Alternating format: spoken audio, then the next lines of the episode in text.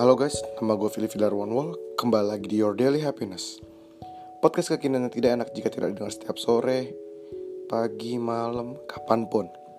Pokoknya gitu lah Gue mohon maaf banget nih uh, sebelumnya Karena beberapa hari belakangan ini Beberapa minggu belakangan ini gue gak bisa update lagi Karena ada beberapa kegiatan yang menyita, menyita waktu gue Kesibukan-kesibukan gue dan puji Tuhan sekarang gue bisa kembali lagi buat ngobrol-ngobrol dan sharing di podcast gue kali ini.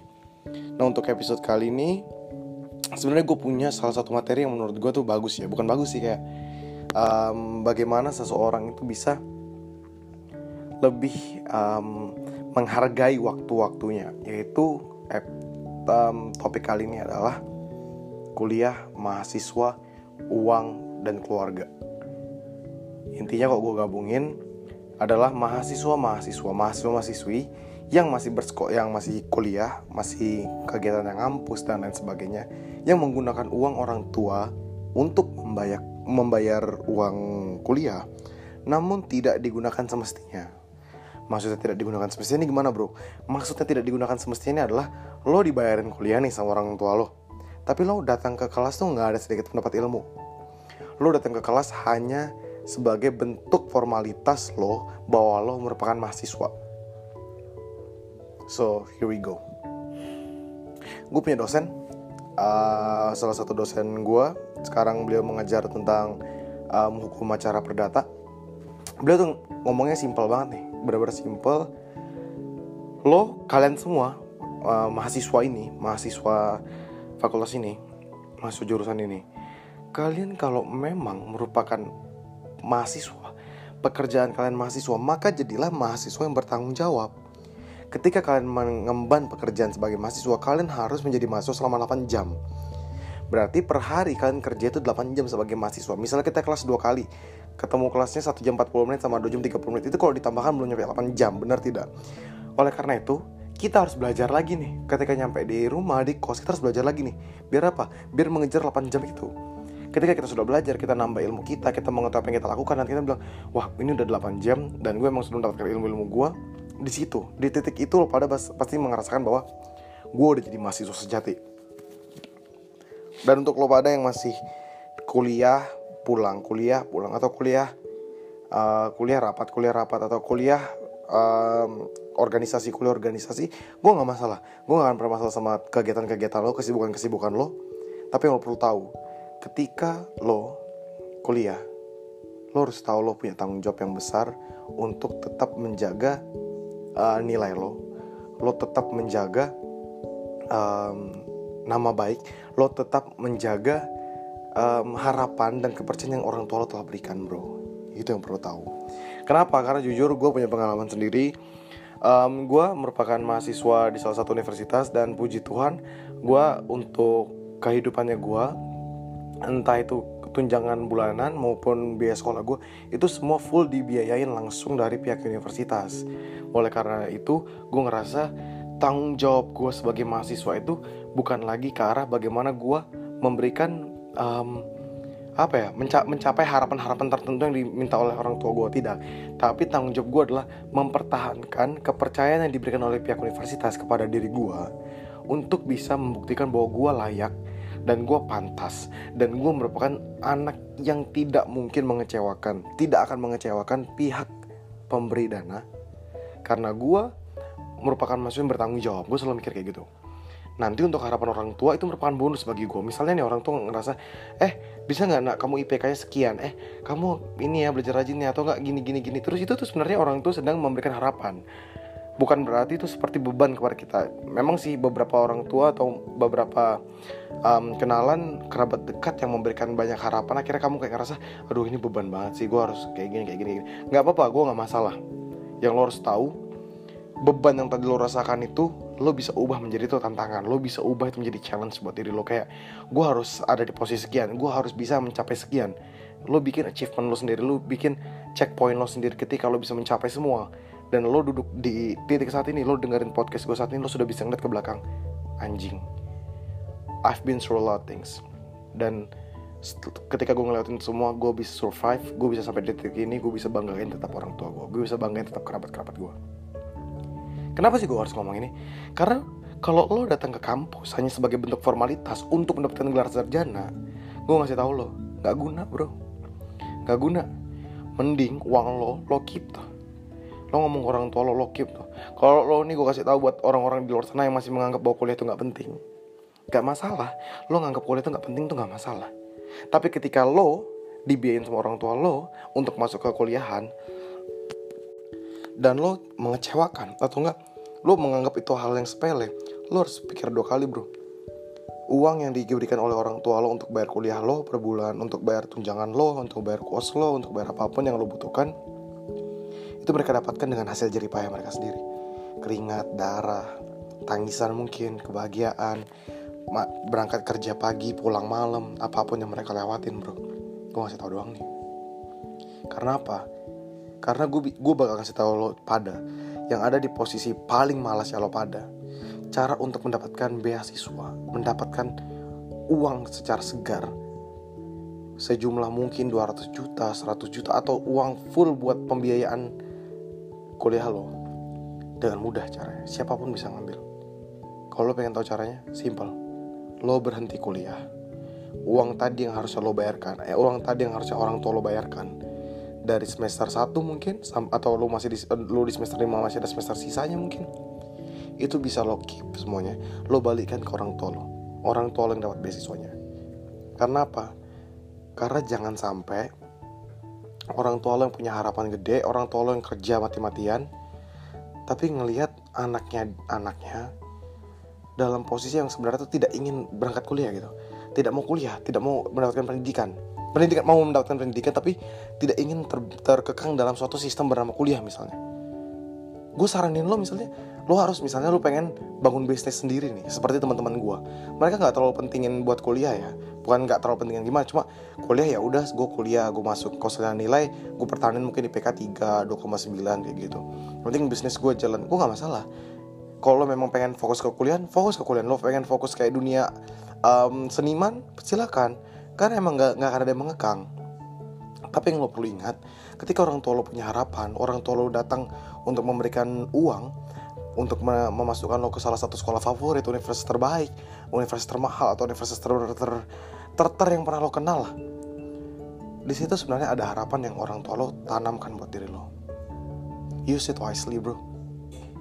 Karena ketika lo nanti ada di posisi mereka lo punya anak gitu dan lo sudah bercucuran air mata lo rasa bahwa anak gue tuh sebenarnya penting banget nih sekolah penting banget penting banget pendidikan pendidikan pendidikan penting banget buat masuk dunia kayak ginian agar mereka nantinya mungkin mudah dalam mencari pekerjaan misalnya mau mencari kerja atau mudah mengimplementasikan bisnis mereka karena mereka punya informasi yang mereka butuhkan.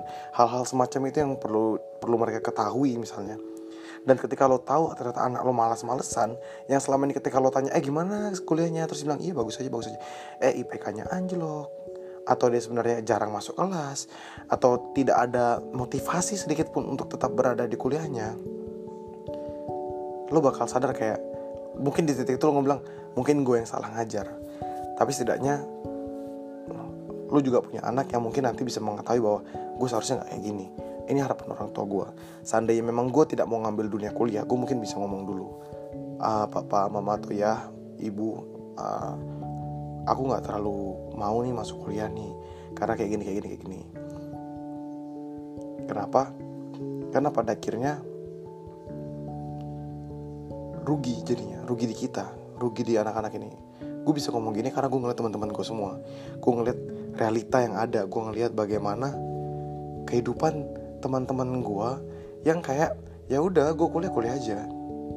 Uh, itu tidak termasuk sahabat-sahabat gue ya karena sahabat-sahabat gue mungkin masih ada semangat gitu. Cuma gue gue tahu ada orang-orang yang ya udah gue kuliah kuliah aja lah. Gue masuk kelas ya terserah. Kalian masuk kelas itu bayar SKS bro. Kalian masuk kelas tuh bayar kalian duduk mendapatkan ilmu dari dosen itu sebenarnya kalian bayar.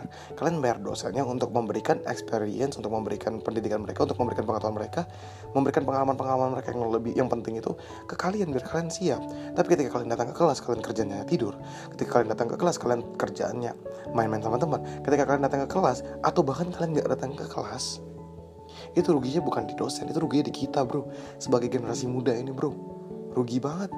Benar-benar rugi kita nggak bisa memanfaatkan um, suatu opportunity ya suatu kesempatan ini yang nggak semua orang tuh bisa dapetin. Nggak semua orang tuh bisa duduk di bangku kuliah bro. Lo harusnya bisa bangga wah gue nih ada di bangku kuliah. Wah gue nih harusnya bisa nunjukin nih kalau gue anak kuliahan. Gue memiliki mental yang seperti anak kuliah. Gue memiliki pemikiran seperti anak kuliahan. Gue harus lebih ahli daripada orang yang lulus di SMA Memang benar pengalaman teach you everything, experience teach you everything. Tapi ketika lo masuk ke dunia pendidikan, lo bisa mendengar pengalaman itu langsung dari dosen-dosen lo. Lo datang lo tanya, Pak gimana Pak? Pak gimana Pak? Pak gimana Pak? Oh gini toh. Oh ternyata harus kayak gini toh. Di titik itu gitu kita belajar bro. Kuliah tuh nggak serta merta lo datang duduk lo dengerin dosen lo pulang. Lo datang duduk lo serap apa yang dosen berikan. Lo serap pengalamannya dosen agar nantinya lo bisa lebih wise, lo lebih bijak dalam mengambil keputusan, lo lebih bijak ketika melangkah ke depan, bro. Kenapa gue bisa ngomong seperti ini? Karena gue ngerasain semester 1, semester 2, dan sekarang gue di semester 3 gue ngerasain bahwa apa yang dikatakan oleh dosen gue itu terjadi di hidup gue. Apa yang dosen gue bilang, ini kan teori, di dalam prakteknya nggak kayak gini. Di dalam, dalam prakteknya uang, uang, uang, sogok, sogok, sogok. And that happens, though. Trust me. Oleh karena itu, untuk kita semua, generasi muda yang masih dapat kesempatan buat kuliah, masih dapat kesempatan buat bisa terus-terusan berada di dunia seperti ini, dunia perkuliahan 4 tahun ini, atau kalian mau ngambil tiga setengah tahun atau dua tahun, satu tahun terserah kalian, manfaatkan dengan baik.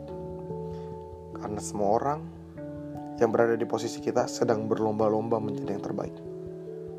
Di luar sana, untuk kalian yang orang dokter, ada ratusan mungkin ratusan ribu dokter mungkin jutaan mungkin yang berlomba-lomba untuk mendapatkan uh, title yang terbaik, mendapatkan dokter spesialis terbaik yang akan dicari semua orang. Untuk kalian yang dari dunia hukum di luar sana, bro, ratusan ribu, bro. Lawyer yang siap makan, saling memakan, homo homini lupus, bro. Nggak peduli lo siapa, nggak peduli background lo siapa. Kalau lo nggak bisa survive, lo nggak akan pernah bisa selamat, bro. Apalagi lo semua yang pengen jadi PNS. Boy, lo pada nggak ketemu sama fresh graduate yang pengen jadi PNS, boy. Lo pada ketemu sama PNS-PNS yang belum jadi PNS. Lo pada ketemu sama orang-orang yang pengen daftar CPNS dari dulu-dulu, boy. Jutaan. Ratusan ribu tuh. Lo lawan satu-satu. Lo datang ke medan perang, bro, sebagai generasi muda. Gue kasih tahu aja nih. Jangan cuma bawa rompi sama helm. Lo mati di tempat, Lo datang rompi helm, lo siapkan senjata, lo siapkan medical kit. Lo siapkan sekelompok orang-orang yang bisa ngebantu, lo siapkan serdadu-serdadu terkuat bro. Dan yang paling penting lo siapkan mental lo sebagai pejuang, siapkan mental lo sebagai petarung. Lo siapkan mental lo sebagai calon manusia-manusia yang bakal sukses, manusia-manusia yang bakal memberikan perubahan yang lebih baik kepada bangsa. Manusia-manusia yang memang layak mengalahkan orang-orang lain. Manusia-manusia yang bisa ngomong, ini gue hasil tempaan semenjak gue kuliah, semenjak gue SMA, semenjak gue berada di masyarakat ini gue. Ini the best versions of me. Dan untuk memulai semua itu, lo nggak bisa cuma ngomong, aduh, gue bisa paling nyampe situ fail, gue bisa. Ini mah kuliah gini-gini aja. Lo nggak bisa ngomong kayak gitu bro. Kenapa? Kuliah ini adalah cara lo bisa ngebuktiin. Cara lo bisa kayak, oke okay, kalau misalnya gue memang pengen berguna. Gue coba dulu dari hal terkecil. Gue di kelas gimana nih? Apakah gue aktif? Atau enggak misalnya gue gue nggak bisa aktif nih di kelas. Gue kayak anaknya introvert gitu atau enggak. Gue nggak bisa ngomong kayak lo feel gue nggak bisa ngomong cot-cot bacot kayak lo. Gue nggak bisa feel lo buktikan dengan karya tulisan lo bro. Feel gue nggak jago tulis tapi gue bisa bisanya artistik itu gue seniman misalnya gue bisanya gambar-gambar. Lo buktikan sama gambar lo bro. Gitu lo lo gemukin lo lo bukan masalah gue kuliah atau gimana yang penting gue kerja. Atau apalagi misalnya lo punya orang tua yang memang punya perusahaan dan lo emang salah satu penerus perusahaannya. Eh gue nggak pernah masalah. Gue nggak ada masalah mau lo nerusin perusahaan bokap lo mau nerusin perusahaan nyokap lo mau lo bikin perusahaan sendiri gue nggak pernah masalah. Yang menjadi masalah adalah ketika lo menjadi beban bagi orang lain. Dan di titik ini memang benar lo nggak pernah berasa misalnya lo ngomong ya gue nggak pernah minta dilahirkan di dunia juga gue gak pernah berharap orang tua gue ngelahirin gue sebenarnya. Mereka yang udah ngelahirin gue ya udah berarti tanggung jawab mereka buat biayain gue gue gak pernah masalah. Tapi di sini gue ngasih tau lo self discipline gue ngasih tau lo bagaimana lo bisa self evaluate, eh, evaluate. lo tahu diri lo bahwa memang sebenarnya itu memang, memang merupakan tanggung jawab orang tua untuk membiayai gue sekolah. Tapi merupakan tanggung jawab lo juga menjadi mahasiswa yang benar. Menjadi mahasiswa yang sesuai standar mahasiswa menjadi mahasiswa yang berhasil menjadi mahasiswa yang lulus tepat waktu. Itu tanggung jawab lo bro. Dan kalau lo sudah terima tanggung jawab lo lo berhak untuk mendapatkan uang. Berhak untuk bisa disekolahkan. Berhak untuk mendapatkan segala fasilitas yang lo butuhkan. Orang tua lo bertanggung jawab membiayai lo membiayai sebuah kebutuhan lo. Dan beliau berhak untuk memberikan suatu pengharapan di dalam hidup lo. Agar apa yang telah mereka ya mereka taruh dalam pundak lo itu harapan-harapan itu dapat terwujud oleh karena lo. Last words from me? Be the best fucking versions of you. Jangan sampai lo malah ngejatuhin diri lo sendiri. Jangan sampai lo ngejatuhin diri orang lain. Jangan sampai lo ngejatuhin harapan-harapan orang tua lo. Fokus kuliah lo. Yang yang berbisnis fokus bisnis lo. Yang sekarang masih santai masih bukan santai masih gap year.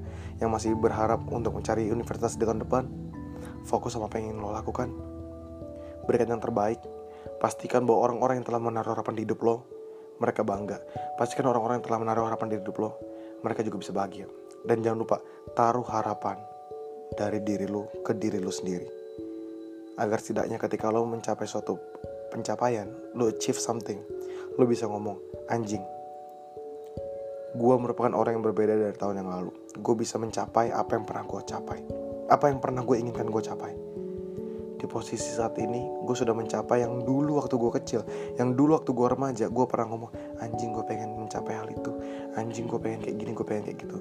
Di posisi sekarang, gue sudah mencapainya dan gue gak akan pernah berhenti untuk mencapai checkpoint-checkpoint lain dalam hidup gue. Ingat, kita muda, kita harus berkarya.